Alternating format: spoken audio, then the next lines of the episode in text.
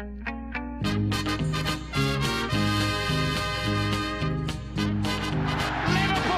are champions of Europe again. Liverpool are prize winners again. Liverpool is in the record books.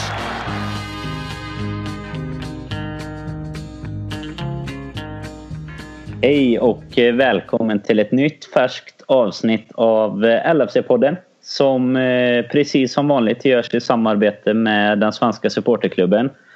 Eh, supporterklubben har ju sitt hem på lfc.nu där ni kan hitta nyheter och allt annat matnyttigt kring eh, Liverpool Football Club.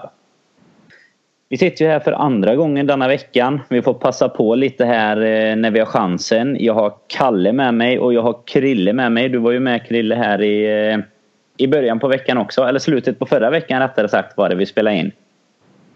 Eh, vi eh, snackade ju upp lite matchen eh, som var igår. Vi sitter ju här onsdag kväll eh, när vi tog oss vidare i ligacupen. Något som vi ska givetvis bryta ner ännu mer om en liten stund. Eh, men vi tänkte att vi skulle börja med att skicka tankarna lite ner till eh, Sydamerika. Den hemska tragedi som skakar fotbollsvärlden här i början på veckan. Det har väl knappast undgått någon. Eh, men om man drar händelseförloppet lite kort så var det ju så att igår, tisdags morse, nåddes vi av nyheten att eh, ett flygplan med bland annat då det brasilianska laget Chapecoenses trupp eh, ombord hade störtat i Colombia när de var på väg för att spela eh, final i Copa Sudamerica som ju är våran motsvarighet till Europa League som vi hade sagt här i Europa. Och egentligen får väl en att fundera någon gång extra på den här betydelsen av vem som egentligen spelar vänsterback och inte. vi såg ju flaggor på, på kopp bland annat grabbar. Eh, om vi börjar med dig Krille, vad, hur har du märkt? Hur har det påverkat dig det här? Eh, när jag såg det ju på jobbet när jag kom in till kontoret så brukar jag gå igenom lite nyheter och sånt innan man sätter igång. Och, eh, Eh, Eh, det är klart att det, det är ofattbart och oerhört tragiskt och hemskt. Det spelar ju egentligen ingen roll. En flygkrasch är alltid det men det blir på något sätt helt Missförstå mig inte nu men det blir mer påtagligt när det är som ett, alltså som ett helt fotbollslag som liksom bara försvinner nästan. Eh, hela truppen. Jag menar när folk dör i flygkrascher så är det alltid hemskt men man har ju oftast ingen koppling till till människorna. Eh, så att säga. Och det är inte för att låta hemskt men det blir mer påtagligt i alla fall för mig när man tänker att det var ett fotbollslag med eh, alla runt omkring i klubben. Nu var det väl närmare, vad var det, 70 det var väl eh, runt 80 personer ungefär ja. på planet så det var väl 76-77 stycken. Ja, och det blir ju som, som jag säger liksom att det blir liksom en händelse och hela klubben är egentligen borta på det sättet. Alltså klubben består ju men spelarmaterialet och ledare och allt runt omkring journalister och så. så att det, då blir det mer påtagligt och det är klart det påverkar. Man funderar på vad som faktiskt är viktigt när det kommer till Eh, hur mycket man brinner för fotboll och liksom det som händer utanför i vår värld så att säga. Ehm, det är lite tråkigt att det krävs sådana händelser också för att man ibland ska vakna men eh, ja, det, det man, vad ska man säga? Jag, jag också känner, känner av, man kände kanske inte till laget överhuvudtaget och spelarna men det är väl Kleber Santana som hade en session i Atletico Madrid som jag kände igen direkt när jag läste texten då. För det är ju en spelare man har sett spela när man kollat på La Liga och det är väl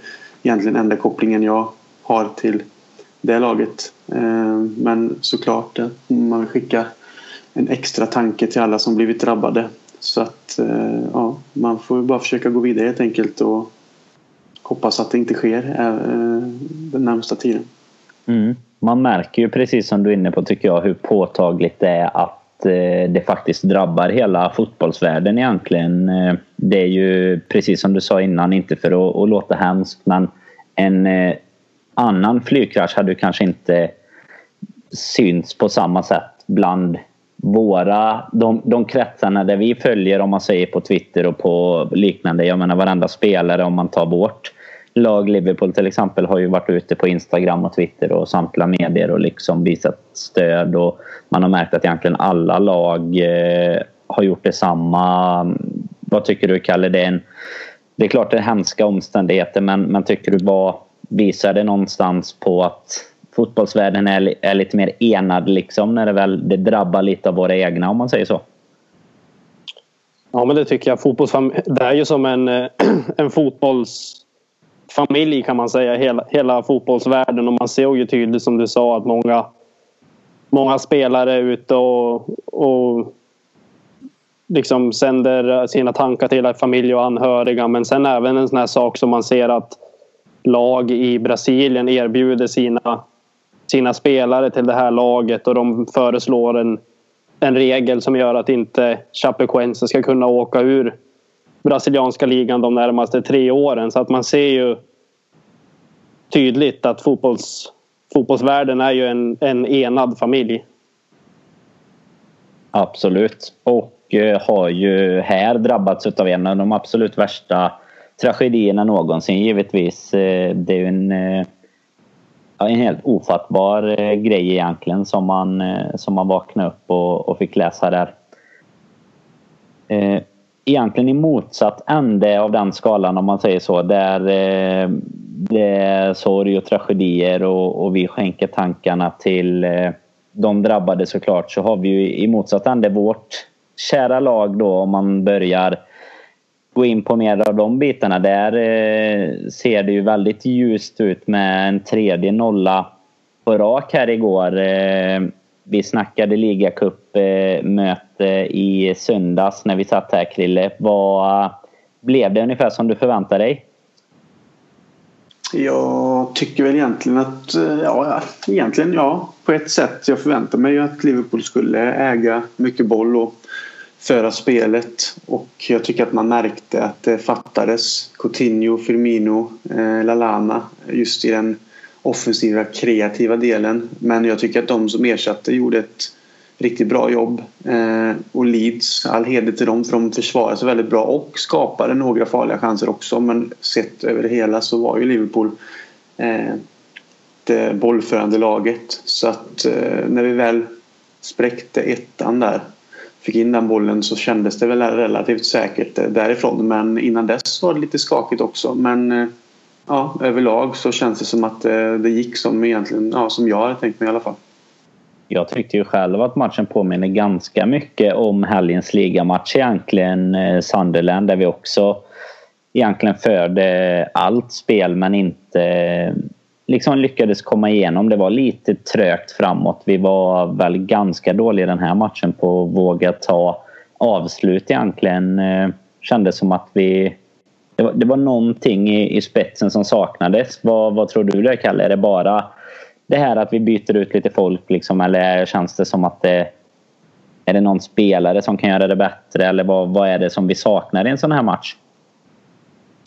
Ja, det, är ju, det beror ju helt klart på många saker men en av anledningarna är ju helt klart att varken Coutinho eller Firmino spelade som, som kan leverera fram de här sista passningarna eller att Mané levererar fram den sista passningen till Firmino eller tvärtom. Så att det är ju en av de stora anledningarna. Sen som jag sa, som du sa att eh, de vågar liksom inte slå fram den här sista sista direkta passningen utan det var mest att de rullade runt lite grann tyckte jag. Och sen som du sa vågade inte riktigt gå på avslut. Så att det, visserligen stod Leeds ganska lågt i sitt försvar men all heder åt Ejaria och, och, och grabbarna men det är, det är ju stor skillnad när Firmino och Coutinho är på plan också. Vad tror du? Eh, det var ju Mané som du var inne på var ju en av få spelare egentligen som fick eh, förnyat förtroende eller vad man ska kalla det från ligamatcherna. En av få som inte vilade. Var, ehm, hur tycker du att hans insats, vi diskuterade ju det lite sist, var att han kanske udden har försvunnit lite eh, från starten på säsongen. Vad, vad är dina tankar kring, kring hans insats? Ja, det, det, håller jag med om. Igår, jag satt faktiskt och tänkte på det själv under matchen igår speciellt att Mané fick inte så mycket uträttat. Ehm, jag vet inte vad det beror på. I början var han inne i, i ett jäkla flow där allting gick rätt nästan. Så att, eh, säsongen går ju i perioder så att han, han kanske har en liten dipp nu men eh, jag tror helt klart att det, att, att det är någonting tillfälligt och att han kommer komma tillbaka i sin, sin form som han var innan passar väl oss bra om Dippen kan komma här kanske. Han kan hålla sig någon månad till och så kan Dippen komma sen när han är borta eh, på lite mästerskap istället. Eh, Krille, det, vi sa ju det var mycket förändringar. Var någonting som du imponerades av mest? Eh, ja, egentligen det är väl högerbacken med det roliga namnet. Nej, Trent Alexander-Arnold helt ja. enkelt. Med de tre förnamnen som Anders Bur sa i Viasat igår om ni kikar på den sändningen. Ja, lite så. Eh, man får ju lust att säga eh, Alexander Arnold Trent istället i mitt huvud. Men eh, han imponerar ju precis som han gjorde förra, förra gången när han var med och spelade. Och han känns Visst, det kan, kan vara lite valpigt ibland, vilket inte är konstigt. Men det känns ändå som att han är mogen i sitt spel och han är liksom tar inga fasta beslut. Han följer med upp i offensiven. Han var även duktig defensivt. Eh, jag vet han, han gjorde ju en riktigt snygg, vände bort två leadspelare där och sen spelade han ju in till Stewart som tappade bollen i det här farliga läget för, för eh, Leeds uppstod. Men eh, men jag vet inte vem man ska skylla på det. Det kanske är ett dåligt beslut att faktiskt passa honom för han blir satt under press relativt snabbt. Men strunt samma. Jag tycker överlag att att han var riktigt stabil och sen tycker jag Jari också gör det bra. Så det är egentligen ungdomarna man imponeras mest av såklart. För de andra har ju någonstans etablerat sig i laget. Och sen tycker jag Origi gör det bra också. Han kanske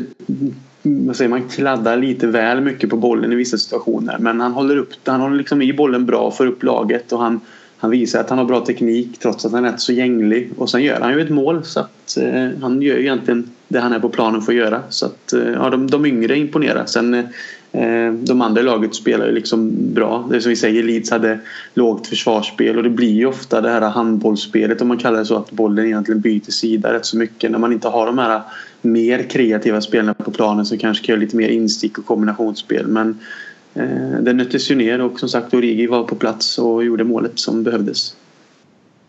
Mm, precis.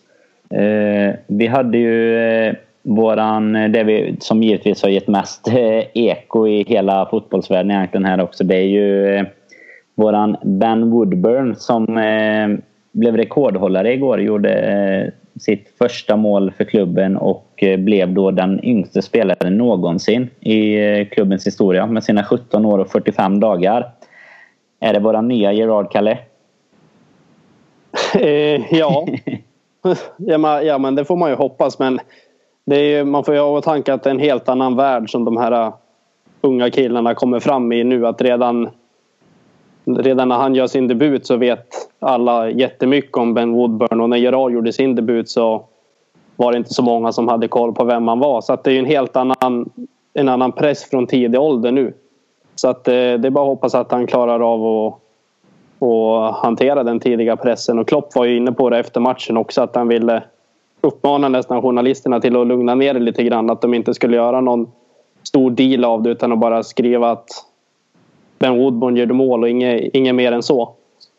Ehm, men eh, jag tycker det man har sett av Woodburn är, är jäkligt imponerande. Man har ju sett lite grann i U23 och dels på försäsongen. Sen när jag var över senast mot Leicester så mötte faktiskt U23 Leicester dagen efter. Så då var jag och kollade på den matchen och då imponerade Woodburn väldigt mycket på mig. Så jag har bara sett positiva saker om Woodburn så här långt. Så att det, det båda gott. Han hade ju även en riktigt fin försäsong med laget faktiskt.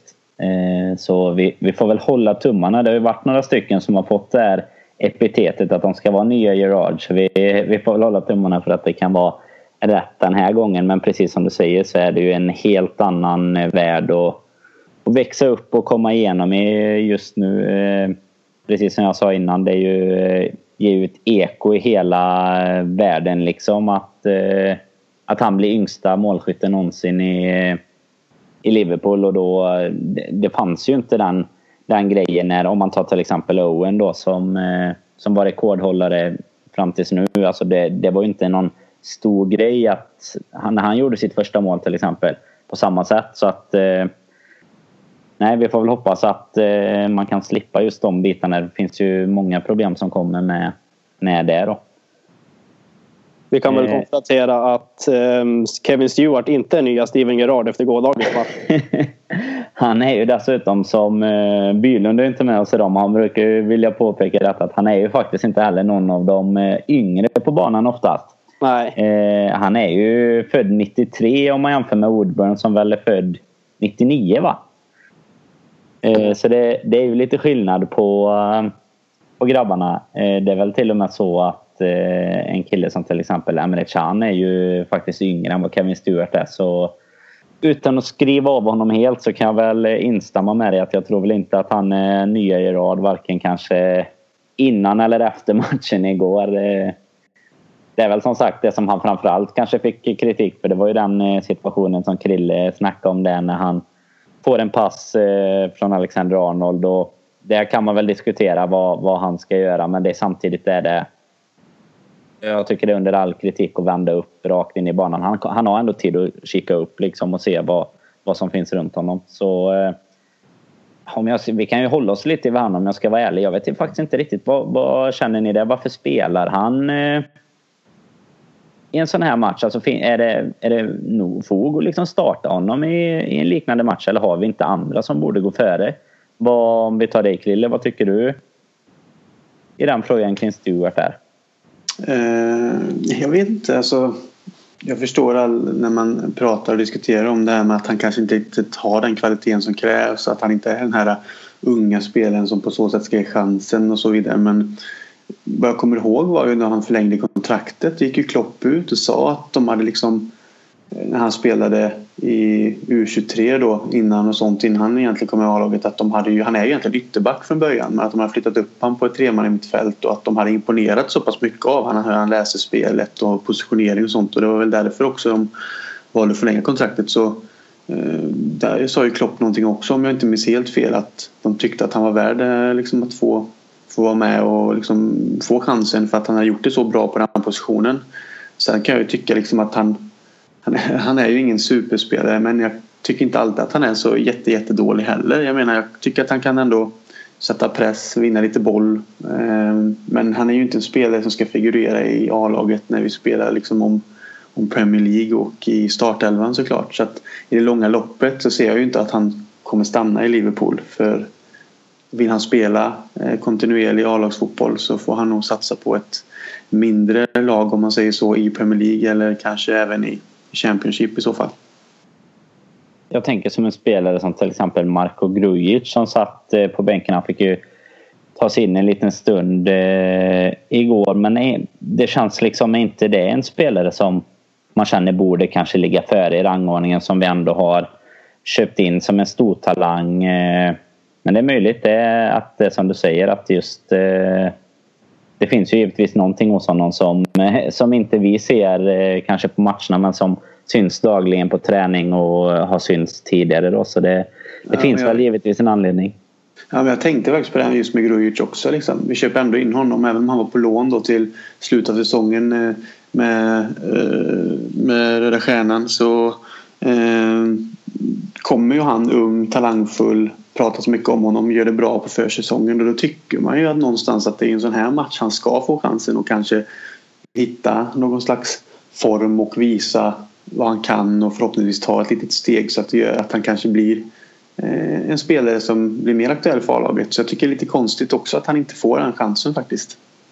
Absolut och här har ju egentligen Ejaria gått förbi honom med skulle jag säga som har spelat i de här den här typen av matcher nu eh, det sista. Så att eh, frågan är om det säger mest om, eh, om hur bra Stuart är eller eh, Jaria säger då, eller om det säger hur, hur det har gått för Grujic som man säger sedan försäsongen då. För jag minns att vi satt och pratade upp honom som den bästa eh, nästan på försäsongen och den som man tyckte hade imponerat eh, allra mest och den som man kanske hoppades skulle kunna få blir lite sådär årets genombrottsspelare även om eh, han såklart är väldigt ung fortfarande. Men det kändes ändå någonstans där som att det här är nog en kille som, som kan hitta rätt eh, ganska så fort i klubben. Men eh, det återstår ju att se hur det blir eh, med honom. Vi, vi har inte fått se honom så mycket som sagt.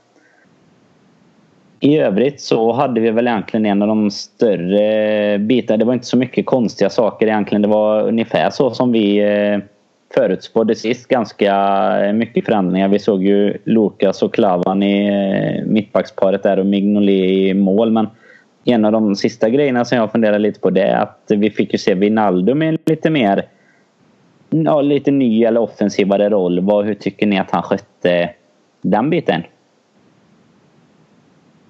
Ja, om man ser till, till matchen igår så, så upplevde jag nästan som att det beror helt klart på att de här yngre spelarna spelar men att Wijnaldum kanske fick ta en lite större roll än vad han normalt sett gör. Eh, och det man har sett av han tidigare är att han jobbar lite grann i det tysta. Gör de här eh, riktigt bra grejerna som man, som man egentligen inte ser men man märker när han är borta.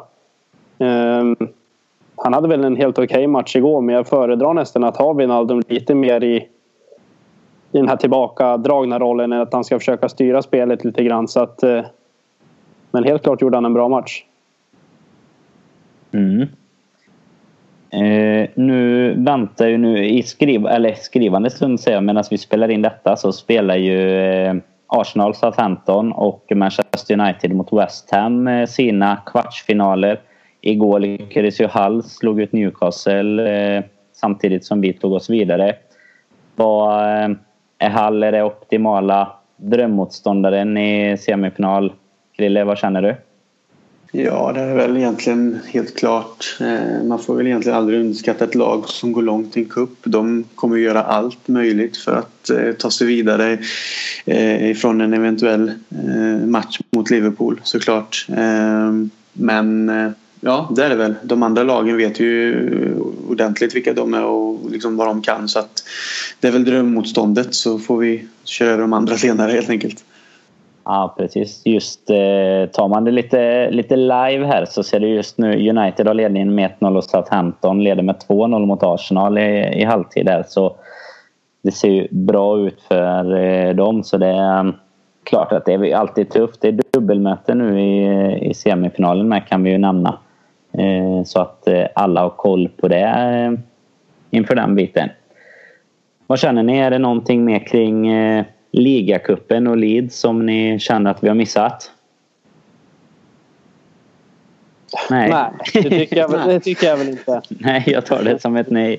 Dåligt, dåligt drag på Anfield var väl det jag slogs av under matchen igår. Det var väl mest Leeds-fansen som förde lite väsen av sig. Vilket jag tycker är en av de roliga sakerna med, med de här cupmatcherna. Att motståndarlaget får fler antal platser på arenan så att det, så att det blir lite liv i luckan. Men eh, i övrigt tyckte jag att det var förvånansvärt tyst på Anfield faktiskt. Fram tills vi gjorde mål såklart. Mm, jag kan bara instämma med dig där egentligen. Det var ju... Eh, Leeds-fansen hördes ju bra. Absolut, men eh, det var nästan lite jobbigt att sitta eh, hemma här och lyssna på när de förnedrade oss egentligen med lite fråga lite efter bibliotek och om de skulle sjunga lite åt oss eh, och så vidare. Det är lite synd men eh, så är det väl tyvärr ibland.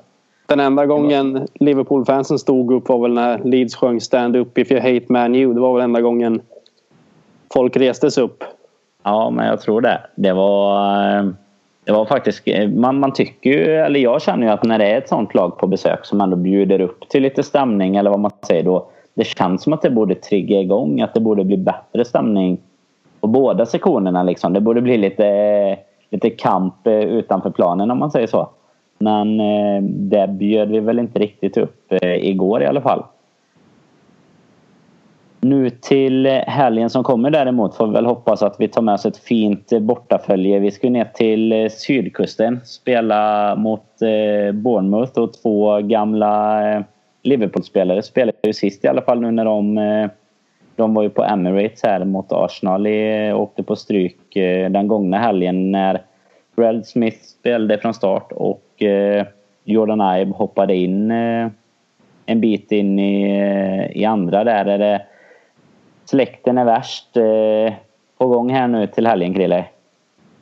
Ja, det brukar väl vara så, tyvärr. Nej, jag vet inte. Jag tycker Bournemouth är ett lag som är svårt att på förhand säga hur det kommer att gå. För de kan ha matcher där de är riktigt, riktigt dåliga. Men de kan ha matcher där de spelar fruktansvärt bra också. Så att jag, de är lite svåra att sätta vad man faktiskt kommer att ha dem. Så att det är också en sån här det säger jag ju om varenda match nu men det är ju för att jag blir så jävla nervös. Men det blir jag också väldigt nervös för borta Bournemouth. Även om det låter på pappret som att det ska liksom, ah, inga problem. Så vet man, vet man aldrig vad man har dem riktigt. Nej, det är ju eh, precis som du säger ett lag som har blandat och gett eh, ganska friskt eh, egentligen i början av säsongen och ligger på en tolfte plats just nu. Eh, lite mitten av tabellen som väl egentligen är helt okej okay, tycker jag med deras sett till vad, vad man kan ha förväntningar på dem egentligen.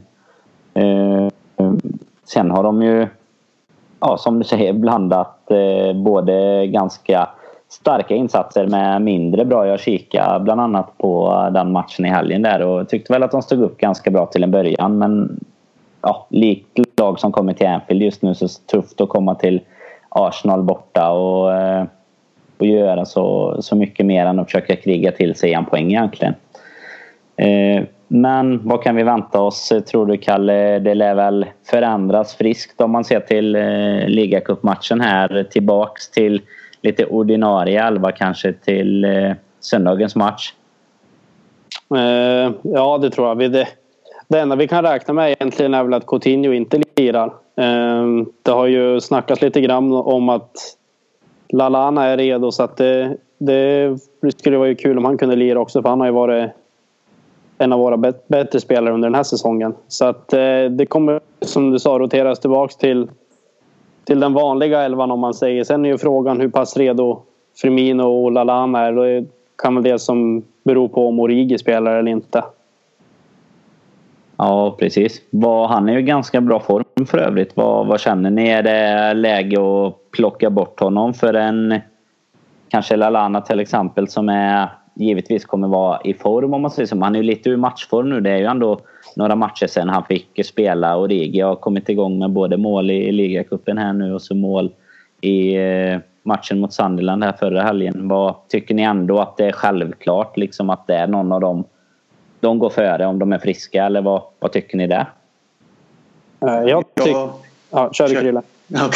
vi, vi härmar varandra där. Nej, jag tycker väl att liksom eftersom han gör målen så borde han ju spela men samtidigt kan jag väl tycka att vill vi spela lite snabbare och mer rakt och liksom hitta instick och sånt så vet jag inte om han är rätt eh, spelare att ha. Så det är en svår fråga. Jag menar gör du mål så bevisar du ändå att du hjälper laget att eh, vinna matcher och ta poäng. Eh, och är du i form så ska du ju givetvis spela men det är ju lite det som om vi återgår till Leeds-matchen snabbt är att han kan som sagt tycka att han håller bollen lite väl mycket ibland när han faktiskt har alternativ att släppa snabbt och ta ny position eller liksom ja, som, ett, som ett exempel. Men jag skulle väl ändå se att han får möjlighet att starta och fortsatt bevisa att han faktiskt är på en, en, en, en bra, en bra form helt enkelt och kan fortsätta den vägen. Men eh, vi får se. Eh, det är ju tur i alla fall att vi, vi har honom för nu vet jag inte riktigt läget med Sturridge men nu när Coutinho är garanterat borta så blir helt plötsligt bänken inte lika stark längre som den var tidigare då. Ja, jag, ja. jag, tror ju inte att, jag tror inte att Lalana går in direkt i startelvan utan jag skulle tro att Origi får starta. Och sen att man kanske byter in Lalana med en halvtimme kvar. Hade han varit 100% fit kanske han hade kunnat sitta på bänken igår och fått någon minut i benen. Så att jag, jag tror inte vi slänger in Lalana direkt från start. Och precis som du sa Krille så han har bevisat att han, han gör ju mål nu två matcher i rad och då tycker jag att man förtjänar en startplats. Jag tycker helt klart att han ska starta. Mm, det låter ju vettigt att låta Lallana vila om han nu är med då i truppen och låta han sitta på bänken först och sen låta han komma in lite och få de här eh, liksom få in lite tempo i benen igen efter skadan så att eh, det låter ju vettigt som du säger också Kalle. Mm. Vi har ju två stycken eh, ganska täta matcher från förra säsongen att komma ihåg mot Bournemouth. Vi hade en 1-0 seger hemma på Anfield och 2-1 när vi var på motsvarande match som vi ska spela nu. Vad tror ni? Kan vi, vi har ju suttit och spekulerat lite vad vi kan förvänta oss för olika spel. Eh, sett egentligen de olika matcherna, liksom lite full fart framåt eller om det blir lite mer svårknäckt nöt. Och du var ju lite inne på det Krille, du sa att du tycker den, den känns tuff matchen på förhand men det är lite som du säger kanske att man tycker att alla matcher just nu känns eh, tuffa bara för att man är i den positionen man är. Men vad, vad tror du där? Tror du att vi kommer att, att vara lika spelförande som vi har varit nu mot till exempel Sunderland och Leeds? Eller tror du det blir mer av en ja, tuff klassisk bortamatch? Jag tror väl att Bournemouth ändå kommer försöka bjuda upp till spel. Jag tror inte att han kommer gå ner så defensivt på hemmaplan så som jag har sett Sunderland och Leeds nu göra på Anfield. Då. Givetvis är det bortamatchen men vi har ju verkligen fått se Eh, ett praktexempel av den så kallade parkerade bussen eh, i de matcherna. Nu åker vi ut till en, bort, till en bortamatch där vi möter ett lag som ändå försöker att spela fotboll och eh, har mycket fart också. Så att det kan ju bli lite öppnare och faktiskt kan jag tro att det kan passa oss lite bättre. Att vi då slipper kanske då försöka bryta igenom det här tajta, täta försvaret som vi har sett de två senaste matcherna och kanske få lite mer yta att utnyttja eh, en sån spelare som man är till exempel, hans snabbhet eh, med en boll in bakom och han löper sådana saker då. Så att det är samma sak med Origi. Han visar ju också liksom vara faktiskt eh, väldigt snabb när han får igång farten. Så att lite mer öppet, vilket jag tr tror det kan bli. Vilket jag också tror kan vara till nytta för oss i det långa loppet under matchen. Vad tror du där Kalle? Vad kommer vi få vänja oss vid de parkerade bussarna eller finns det chans att eh, Bournemouth vågar eh, gå upp med lite offensiv mot oss tror du? Ja men det tror jag. I mina ögon är Bournemouth ett lag som som försöker spela som försöker spela fotboll om man säger. De är inte ett lag som försöker gneta sig till alla poäng. Sen eh, jag tror eh, det är lite skillnad där om man möter dem borta eller hemma. Hade vi mött dem på Anfield så då tror jag säkert att de kanske kunde backa hem lite grann. Men på hemmaplan brukar man ju oftast vilja bjuda upp till dans lite grann för fansen också. Så att jag är inne på Krilles spår där att det kommer bli en match som, som är lite mer öppen och vi kanske kunde komma spela lite mer på på snabba omställningar och sådär som, som vi inte har kunnat gjort nu när vi har varit spelförande båda matcherna mot Southampton och, och Leeds och Sunderland. Så att, eh, jag är helt inne på Krilles spår där. Mm. Och det får väl jag ändå hålla med om. Jag tycker ändå när man kikar på Bournemouth i deras matcher, de känns ändå som ett sånt lag som vill, eh, som vill framåt. Det känns inte på samma sätt eh, riktigt som, eh, som typ Sunderland som går in och gnetar för verkligen bara egentligen ta en pinne. Nu till helgen så har vi ju dessutom eh, toppmöte. Våra toppkonkurrenter eh, spelar ju mot varandra där, eller toppkonkurrenter just nu i alla fall, Chelsea och City. Så det finns ju faktiskt en fin chans till att passa på att gå upp i lite tillfällig serieledning igen kanske efter kommande helg. Det hade ju inte eh, varit helt fel faktiskt. Om man kikar lite i övrigt, vad känner ni laget är givet fortfarande i övrigt? Nu har vi ju som sagt hållit nollan tre raka matcher även om inte Karius har fått eh, hålla alla dem. Nu fick ju Mignolet stå igår och kom in och eh, gjorde väl, han hade inte så mycket att göra men han gjorde eh, väl bra tycker jag. Eh, det var ju någon situation där som stolpskottet som eh, man kanske kunde önskat mer. Men vad känner ni? Finns det någon liksom, frågetecken där? Ingen som imponerar så pass mycket att de på något sätt kommer gå in i en ligamatch? Eller vad tror ni? Nej, det tycker jag inte. En, en spelare som jag tyckte som inte imponerad men som man var nöjd med om man säger det var Lukas igår. Um, han tar, tar den här ledarrollen när, när kanske de här äh, mer tydliga ledarna i, i våran startelva är borta. Men uh, han är ju ingen spelare som, som hotar våra startspelare i backlinjen så. Men det är väl en av spelarna som jag tyckte gjorde bra ifrån sig och det får vi vara jäkligt glad för att vi har en lirare som honom som eh, som kan gå in och, och, och vikariera liksom i de här cupmatcherna. Men annars ingen som, som har gjort sig förtjänt av en startplats tycker jag.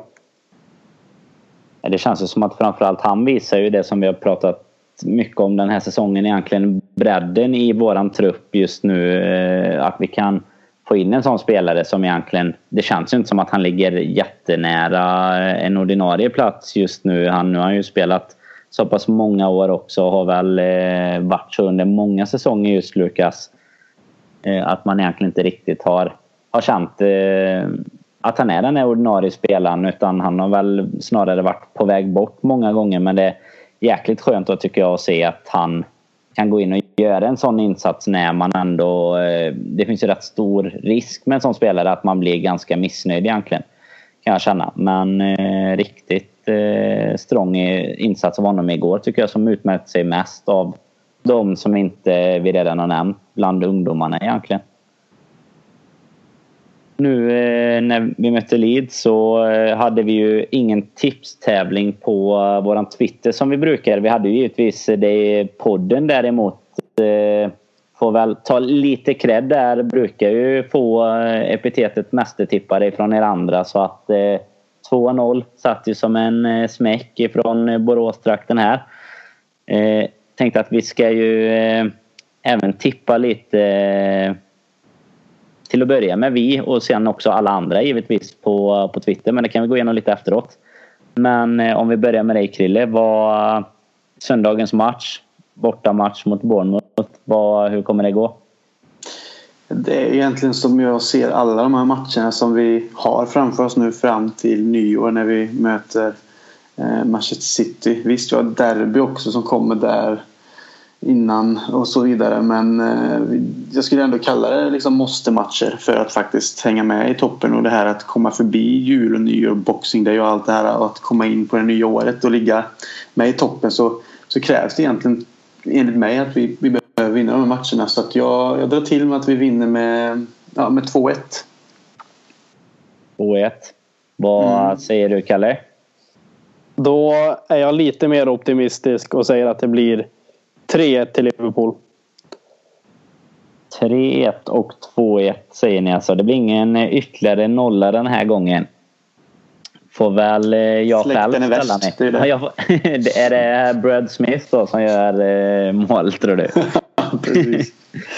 Jag eh, tror väl däremot att vi ska kunna åka dit och hålla nollan. Jag säger eh, gå på det beprövade 2-0 här från, eh, från Leeds-matchen. Bara köra med samma mynt en gång till här och se om det är det som, som tar oss framåt. Men eh, idel segertipp från oss i panelen i alla fall. Eh, vi har under dagen här idag lagt ut, eh, precis som vi brukar inför Premier League-matcherna, en tävling på Twitter där vi vill att ni går in och följer LFC-podden.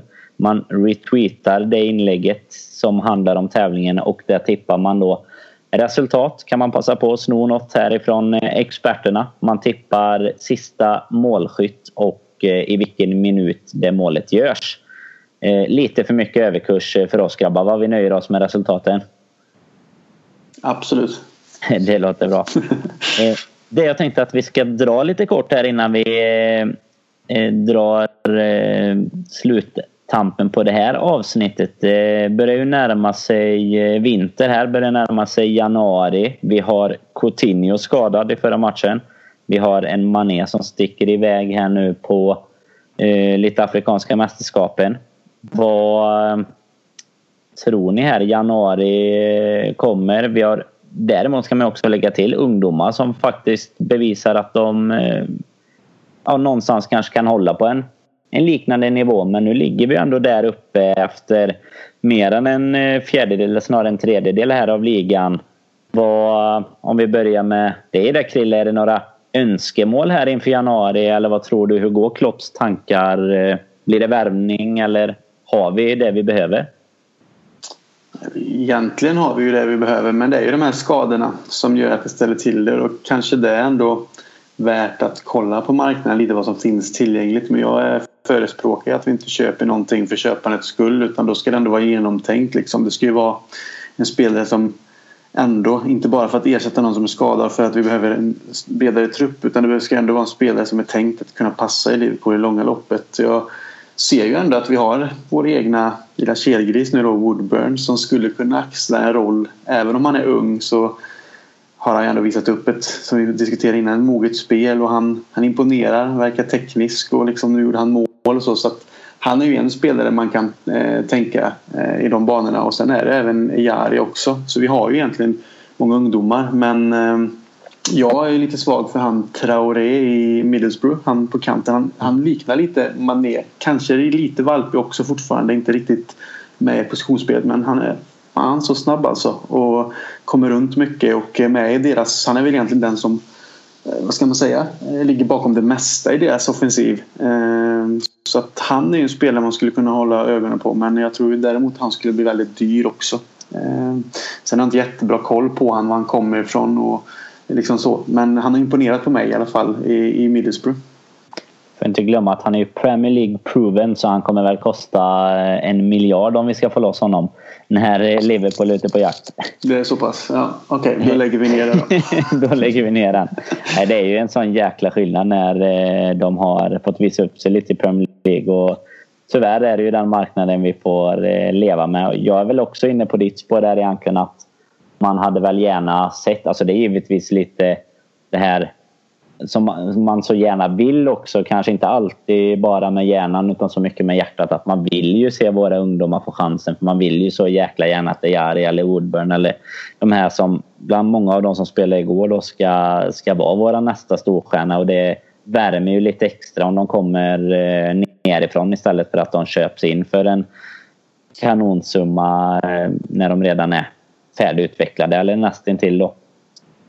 Sen eh, i vanlig ordning ska vi skicka ut Kalle Sundqvist och scouta lite i Europa. Det är långt ifrån första eller sista gången. Den här gången är det väl ner till Barcelona om jag inte minns fel va? Ja, jag är ute på en liten eh, scoutingturné här i Europa nu. Jag var i London förra veckan men... Eh, Inget? Nej, ingen napp där. Jag var lite sugen på Aaron Cresswell men jag sprang inte på honom. Nu sticker jag till Rom imorgon och försöker med Florenzi där. Men eh, vi får se vad det tar. Annars så sticker jag till Barcelona på måndag och scoutar Dahoud när Barcelona möter Mönchengladbach. Så vi får se om jag kommer hem med någonting, några godsaker till januarifönstret. Kan väl övertala Suarez istället. Det är väl det som egentligen skulle vara den perfekta julklappen. Eller vad säger man? Ja, det är ju januari i och för sig men eh, ändå en försenad julklapp. Fan, har du inte sett de här bilderna Krille eller som de sjunger på Kopp att om Suarez var kvar skulle han sitta på bänken. Har du inte sett dem? jo, ja, men eh, jag tycker att vi tar oss lite vatten ur huvudet där. Och, ja. Eh, ja. Man kan väl å poddens vägnar i alla fall fråga om han vill komma tillbaka. Ja, ja men det, vi försöker lösa något sånt. Ja, men det låter ju kanonbra. Hur kommer det sig att du ute på de här små turnéerna, Kalle, var, va, va? har det kliat till gott i fickan eller vad? Han har ryggat mig på tipsen låter det som. Ja, precis. Nej, men är, är du, kör du iväg lite bara? Är det lite semester? Är det någon anledning? Nej, det är så att vi har en, en släkting här som är från, från USA som vill passa på att se Europa lite grann. Så då var jag inte ah. sen på, på att tacka nej och, och följa med. Så då försöker jag göra lite podd, poddbusiness samtidigt när jag är iväg och scoutar lite grann. Så att Smart, väver in lite. två flugor i en smäll där. Ja, det är bra. Nej, det låter riktigt bra eh, detta. Eh, ingen annan eh, som ni känner här till januarifönstret just nu i alla fall då som eh, är aktuell. Vi har väl egentligen inte, tycker jag, än så länge ryktats eh, mot hur det brukar vara. Tycker inte jag det har florerat så mycket vilka vi egentligen ska, ska värva och så. Vad, är det någonting som jag har missat eller någon som ni vet har länkats extra mycket i det här fönstret? Mm, eller inför detta fönstret ja, får man väl säga. nej, det jag kommer inte ens ihåg namnet på honom. Det ska ärligt sägas att jag, jag, är inte, jag är inte personen som, som intresserar mig så mycket av eh, potentiella övergångar och sånt. Och jag tycker transfönstret kan vara lite jobbigt. Det är ju spännande såklart men jag är inte den som sitter och nördar ner mig i det. Jag följer ju givetvis och läser det som kommer men jag sitter inte och tittar på potentiella spelare som skulle kunna passa utan när någonting är konkret då, då kollar jag mer på det. Men han kommer inte ihåg namnet men det var väl någon anfallare i en rysk klubb Eh, som, jag vet inte vilket land han faktiskt kom ifrån för det var nog inte Ryssland men han kallades väl om var det Iran eller något Iran, Iran, Irans Messi eller någonting. Jag vet inte. Men en anfallare i alla fall som ska vara väldigt duktig. Det har, det har jag faktiskt sett. Jag vet inte heller vad han heter. Jag har inte klickat med längre så. Men Irans Messi vet jag faktiskt att vi har länkat till när du säger det. Ja. Eh, nej, men det är väl så i ett sånt här läge också att man kanske inte man bryr sig. Alltså, jag är lite inne på ditt spår oftast när det är transfönster. Jag kan nästan vara mer eh, tycka att man tar allt med lite för stor nypa salt. Man orkar liksom knappt sätta sig in i det för man vet inte vad som är sant och inte. Och i det här läget när det går så bra som det gör så är det väl också så att man kanske inte känner det suget lika mycket. Det är klart, hade vi legat 12 just nu och känt att säsongen var kört då hade det ju någonstans varit det som hade lyst upp januari lite. Men i det här läget så har vi ju annat att, att njuta av som tur är det enda namnet som egentligen har, har snackats under hösten fram och tillbaka är väl Christian Pulisic från, från Dortmund som det har varit mest snack om egentligen. Men eh, var, Dortmund verkar väl inte vara alltför intresserad av att släppa han trots att han själv nu på sista tiden har sagt att han skulle vilja spela i Premier League. Men det är ju mest det är ju mycket snack i de här tiderna och man vet inte vad man ska lita på allt. Senast idag läste jag faktiskt om att de var lite intresserade av Moussa Dembélé som, som spelar för Brendan Rodgers Celtic numera. Som tidigare spelade i Fulham och det är väl en spelare som jag tycker om det jag sett. Det lilla man har sett av Celtic och det han lirade i Fulham tidigare är en, en bra spelare som kanske skulle kunna bli lite av en ny Dela Alli. Nu har han väl tagit det här första steget ut till en större klubb så att det kommer väl kosta lite mer att köpa nu än om man hade gjort det från, från Fulham. Mm, men jag tänker på han i Dortmund, Pulisic, som du säger. Att det är ju bara för våra amerikanska ägare att förstå tanken där. Att han är ju amerikan och representerar eh, det amerikanska landslaget redan vid 17-18 års ålder och har gjort det väldigt bra imponerat. Så det är ju bara att lägga ut cashen och sen kommer vi få in alla de där cashen mångdubblat när vi säljer tröjor i USA och han sen blir storstjärna som vi säljer till Barcelona. De borde ju kunna marknaden i USA om inte annat i alla fall. så att de ja, vet nej, men han, han vore intressant faktiskt. Det är ju ett namn som man egentligen borde satsa på. Sen som vi säger så Kanske det inte är just nu i januari, kanske kommer till sommaren. För det har ju ändå varit ryktats mycket om det och Klopp ska ju ha ett gott öga för honom också. Och det är ju en spelare som är oerhört intressant. Så att en sån spelare skulle man ju bli riktigt eh, glad över om det, om det hände. Men jag tror tyvärr inte att det händer i januari redan i så fall. Det känns ju oftast, vi har ju sagt det förr men januari känns ju mer som de här som kanske inte riktigt har hittat rätt eh, i säsongen som får chansen att liksom göra sina köp för att eh, sätta den här sista pusselbiten. Eller till exempel nu som för oss då när Coutinho går sönder. Om det hade varit så att han blir borta ett år liksom, ja, men då kanske man hade behövt kika på en, eh, en dyr ersättare eller någonting. Nu höll vi tummarna sen sist och det, det funkade ju någorlunda i alla fall. Vad blev det? Slutdomen blev väl en 5-6 veckor någonting tror jag va? Det är väl sista ordet egentligen. Så ja. det, det känns väl som att eh, runt nyår förhopp, förhoppningen var väl att han skulle kunna komma tillbaka till den här nyårsaftonsmatchen mot City. Eh, får vi se om det blir för tidigt eller inte men eh, det klarar vi oss ändå ganska gott mot vad vi kanske först trodde när vi egentligen såg eh, situationen då. Sen är det väl angående transferfönstret så är det väl utsidan som eh, snarare kanske blir spännande den här gången då när vi kommer vi ha anledning att återkomma till också. Men Daniel Sturridge om man tar han som exempel då som har vi har pratat mycket om kring hösten och som faktiskt har börjat ryktas eh, bort på lite lån och lite möjliga värvningar och så också. Så eh, det blir väl till att följa det med. Men det hinner vi sitta här många gånger innan det blir januari. Eh, nästa gång blir ju redan efter Bournemouth-matchen får vi se eh, om vi har lyckats ta de här tre poängen som vi som vi trodde eh, i tippet och som vi givetvis hoppas på. Eh, en sista påminnelse. Glöm inte gå in på Twitter. LFC-podden. Hittar ni tävlingen där för att vinna en snygg tisha från Samdods som är supporterklubbens eh, shop för eh, mycket snygga Liverpool-prylar och så. Så där kan man också kika in en sväng. Sen eh, tänkte vi ju gubbar här att vi ska köra ett lite eh, speciellt slut här för att återkoppla till det vi pratade om eh, i början. Jag tyckte du sa det snyggt Kalle. Det är ju faktiskt eh, en fotbollsfamilj här egentligen världen över och vi vill skänka ytterligare eh, tankar till det här som hände nere i Colombia. Det brasilianska fotbollslaget vi pratar om här. Chapecoense eh, som var med i den här olyckan. Så vi kommer eh, avsluta den här podden här och nu med att köra You Never Walk Alone istället för eh, våran vanliga vignett här då. Det kan väl vara en passande hyllning eller vad säger ni grabbar? Det är inte mer än rätt. Nej, det låter som en perfekt avslutning för att hedra alla offer och alla anhöriga spela den låten. Det, det ger ju en slags sammankoppling och skapar ju känslor så att eh, det tycker jag låter absolut som den bästa möjliga idén. Vi gör eh, så. Vi skänker dem eh, en extra tanke och hoppas att ni gör detsamma. Vi tackar för visat intresse och för att ni har lyssnat och så hörs vi om eh, en halv vecka igen ungefär. På återseende och ha det gott. Through a storm. Hold your head up high And don't be afraid of the dark. At the end of a storm there's a golden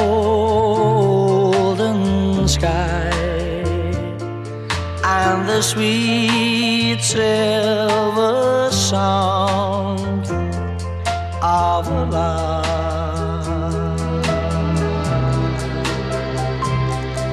Walk on.